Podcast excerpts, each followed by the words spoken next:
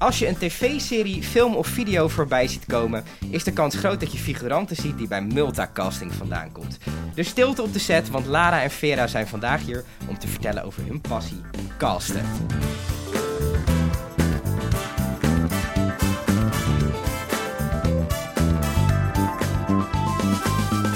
Leuk dat jullie er zijn. Dankjewel. Ja, en toen gebeurde een van de ergste dingen die je als podcastmaker kan gebeuren. Ehm, er gebeurde iets raars met de audio. In de volgende vijf minuten is bijna niet naar te luisteren. Ehm, dus we hebben een korte samenvatting gemaakt van de eerste vijf minuten van het gesprek. Ehm, en daarna gaan we gewoon verder met het gesprek. Excuses, je zal het even iets langer met mij moeten doen. Komt-ie. Lara heeft samen met Brit van der Gaag en Petra Koeleman Multicasting opgericht. Brit en Lara kennen elkaar van de middelbare school. Brit is op de middelbare school in de media beland. Voor producties daar moest ze figuranten regelen voor films en series. Ze hebben altijd al de droom gehad om te gaan ondernemen. En toen op een gegeven moment in de kroeg kwam Brit met het idee: ik heb nog een bestandje liggen met foto's en namen van figuranten. Laten we een castingbureau gaan starten. Het eerste half jaar was parttime, maar snel kwam het succes en werd het fulltime. Media zat er zowel bij Vera als bij Lara vroeg in. Lara had altijd al interesse in films en series. Vera maakte op de middelbare school video's en kreeg ook snel interesse in fotografie. En na haar studie heeft ze allerlei televisiedingen gedaan. Dan even over de naam Multa. Petra, de andere compagnon, had al een bedrijfje en dat heette Multa Media. Ze plaatste casting achter Multa en dat bekte lekker. En zo is de naam ook gebleven. Dan even over de producties. Het is echt van alles. Het is van een commercial tot een film tot aan een serie. En natuurlijk ook reality. Het leukste is toch wel om een acteur of actrice te regelen. Als dat uiteindelijk lukt, op basis van allerlei voorkeuren een geschikte acteur of actrice voor een grote productie regelen. Maar Temptation Vips is ook een favoriet. Het tweede seizoen gaat binnenkort van start en ook deze keer regelt Multa weer de talenten. Die oproepjes op social media gaan ook lekker viral. Mensen taggen elkaar en vinden het grappig om erop te reageren. Bij zo'n programma zitten dan ook veel aanmeldingen die eigenlijk niet serieus zijn. Op het moment dat er dan om een video wordt gevraagd, komt er geen respons. Figuranten worden vooral geworven via social media. Ook heeft Multa een groot eigen bestand van talenten. Als iemand namelijk één keer gefigureerd heeft, vinden mensen het vaak leuk om nog een keer zoiets te doen. Eigenlijk bevalt die ervaring altijd wel. Door je aan te melden via de website van Multa blijf je als figurant op de hoogte en kan je op meerdere producties worden ingezet. Iedereen kan een figurant zijn. De producties zijn verschillend en zo ook de vraag. Van baby tot bejaard, van man tot vrouw. Figureren is niet iets wat je financieel gezien fulltime kan doen. Er zijn figuranten die het vaak doen. Je krijgt er een kleine vergoeding voor, maar die is vooral bedoeld als onkostenvergoeding. Je doet het omdat je het leuk vindt, een dagje uit en om nieuwe mensen te ontmoeten. Er ontstaan eigenlijk ook wel eens vriendschappen op de set. Als figurant kom je op de set. Je gaat dan naar de kledingstylistes en je wordt helemaal klaargestoomd om te gaan figureren. En tenslotte vroeg ik Vera en Lara of ze zelf eigenlijk wel een keer gefigureerd hadden. Lara zei van niet, en toen deed de audio het weer. Geniet van de rest van het gesprek in deze passiepodcast. Jij voor een figuranten en je bent er zelf Ja. nooit... eh, Nee, Nee, is het dan omdat je die wereld te goed kent? Of... nee, ik sta liever eh, niet eh, voor de camera. Nee, dat... Oké, dus dit is een eh, bijzondere ja, dit is situatie. een bijzondere situatie. En jij, voor welke productie heb jij wel eens gefigureerd? Oh, voor Loverboys heb ik ooit gedaan. eh, maar het is allemaal echt jaren terug hoor. ja, oké. In je puberteit. In mijn puberteit vond ik dat echt heel erg Mooi leuk. ook dat je dat Loverboys noemt. Dat, eh. Ehm, jullie ehm, doen nu ook coaching. Ik zag Multa Talent voorbij komen. Wat houdt dat precies in? Ehm, we noemen het onze protégés. Ja. Ehm, het is eigenlijk ontstaan. Wij hebben ehm, voor de nieuwe 100% Coco New York film twee jongens eh, gevonden die mee zijn geweest naar de opnames van New York. En echt een rolletje hebben gekregen. Ja. In de film. En eh, deze jongens hebben echt het talent voor acteren en ook voor presenteren. En wij vonden dat wij ze, buiten dat we ze daarheen die kans hebben mogen geven, verder eh, ja, moesten gaan begeleiden. Omdat we dat heel erg leuk vonden om te Mhm. gaan doen. Maar ook om die jongens eh, eh, ja, een soort houvast te geven. Dus we zijn begonnen met deze twee jongens. En inmiddels hebben we nog wat andere, we noemen het nog steeds protégés erbij. Van acteertalent tot presentatietalent. Jonge mensen die aan het begin van hun carrière staan. Die wij begeleiden bij het vinden van opdrachten. Het uitdenken van hun verdere toekomst. Hoe zij zichzelf kunnen gaan promoten. dat eigenlijk. Er zijn, Proberen ze groots Ja. te maken eigenlijk. ja, Ja. tof. Wel een leuke Dat, eh, uitdaging, denk ik. ja. En zijn die twee dan bijvoorbeeld, zijn dat dan mensen die eerst figuranten waren? Of waren dat echt al specifiek mensen die zichzelf act- als acteur... Hoe, hoe... Allebei wel het doel om eh, niet te figureren, maar de een de- echt te acteren. En de ander die eh, deed echt een opleiding voor musical, eh, dans en zang. Hè? ja. Dus wel allebei al met doel om eh, verder te komen dan figureren. En jullie coachen ze ook. Ja, En hoe doen jullie dat? Ja, we, we proberen natuurlijk heel veel verschillende manieren. Als in, wij kunnen geen acteerlessen geven of zoiets. Dat Ja. is niet waar Multa natuurlijk voor is. Maar ja. eh, je kan ze wel in contact, in contact brengen met, met verschillende opdrachtgevers. We kunnen foto, goede castingfoto's van ze laten maken. Meebouwen aan een showreel. Dus je coacht eigenlijk meer met het traject. Om, welke cursussen, opleidingen ze kunnen gaan volgen. ja, om zo'n mo- mooi portfolio op te bouwen, Ja. zeg maar. Zeker. Ehm, even kijken hoor. Eh, ja, misschien ook wel leuk. Ehm, is er echt een keer een opdracht binnengekomen waarvan je denkt... dit was echt krankzinnig? Of dit is zo'n rare vraag of aparte vraag? Of... Weet je ik wat? weet hem wel. Ja, vertel. De live show, denk ik. Dat Ja, was wel oh gek. ja, dat, was wel echt ja. gek. Wat moesten jullie dan doen? Nou, dat is een. eh, voor dat programma moesten we allemaal verschillende types vinden. Ja. En ze wisten nog niet zo goed welke types ze in de uitzending wilden gebruiken.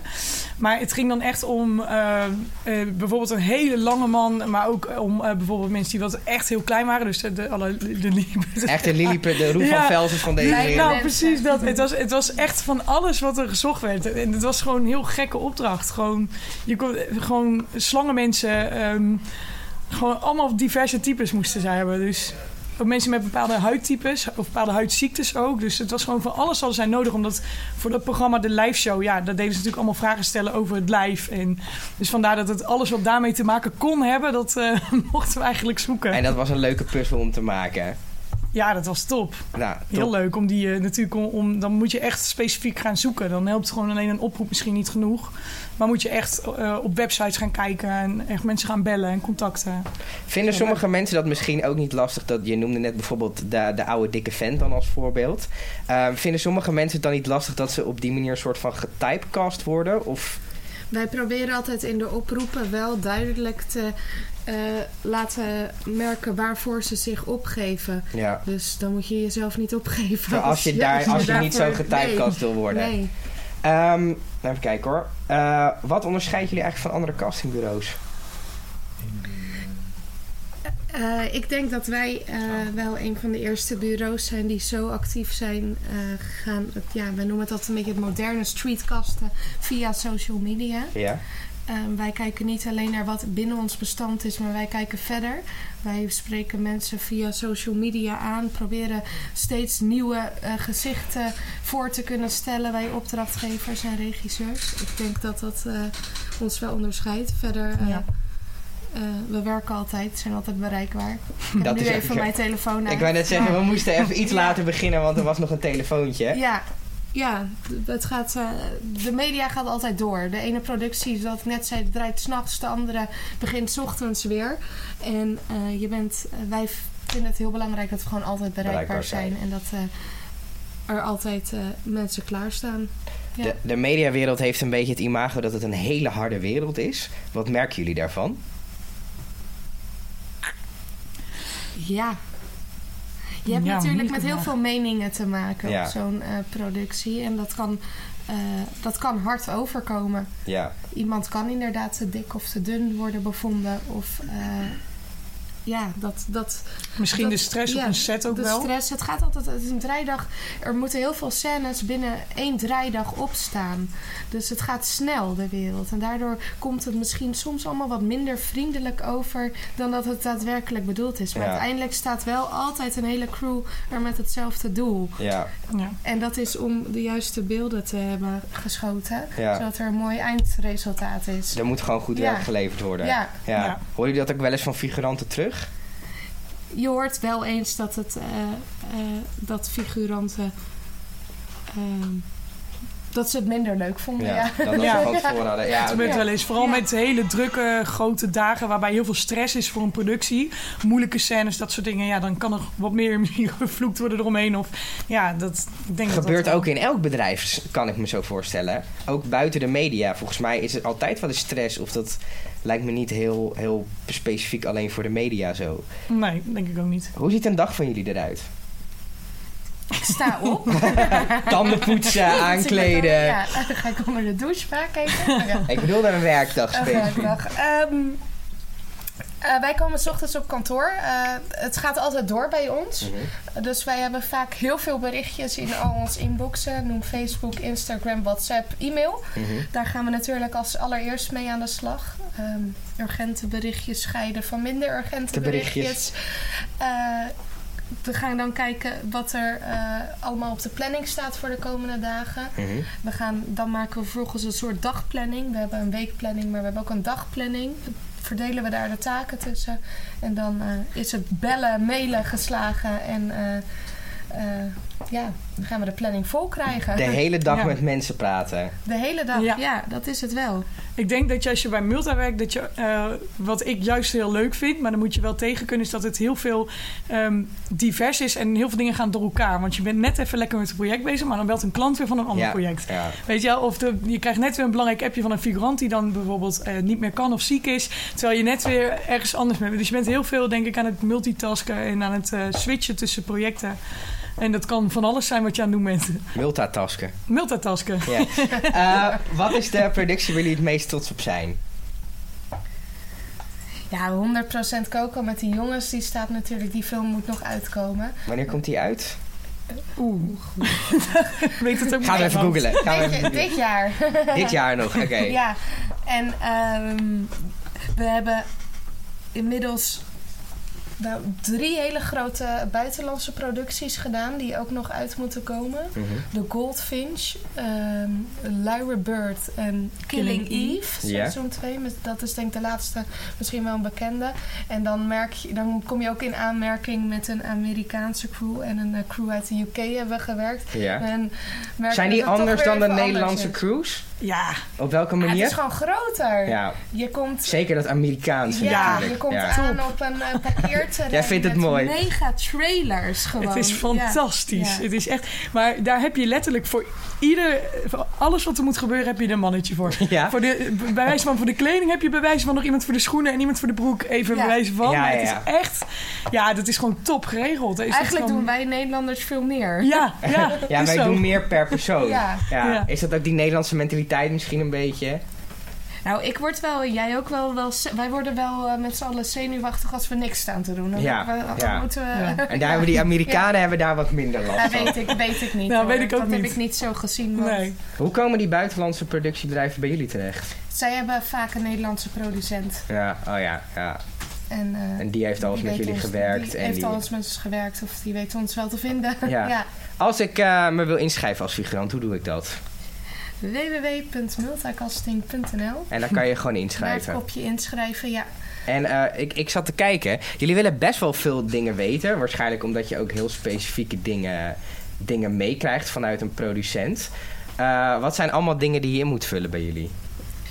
Eh, heel veel uiterlijke kenmerken. Van kleur ogen tot kleur haar, tot lengte, tot gewicht, tot eh, confectiemaat, jeansmaat, schoenmaat. Allemaal uiterlijke kenmerken. Dus je moet met een meetlid moet je het formulier invullen. Ja, als je dat niet weet, is dat wel handig om Ja. even op te zoeken, inderdaad. Nee, eh, bij sommige producties wordt natuurlijk ook, krijg je kleding van de set zelf aan. Mhm. Dus dan hebben stylisten wel de kledingmaten en schoenmaten nodig.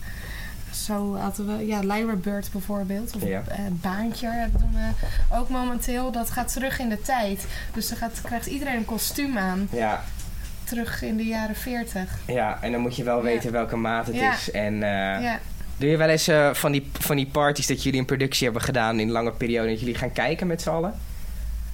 Het, het eindresultaat, dus als je Een viewing party of Oh, zo. ja. Ja, ik, daar is vast een naam voor. Ja, er is sowieso a- aan het einde van ieder project een, eh, een feestje. Altijd Een leuk. Lekker veel feestjes. Ja. Ja, en natuurlijk bij films en series een première.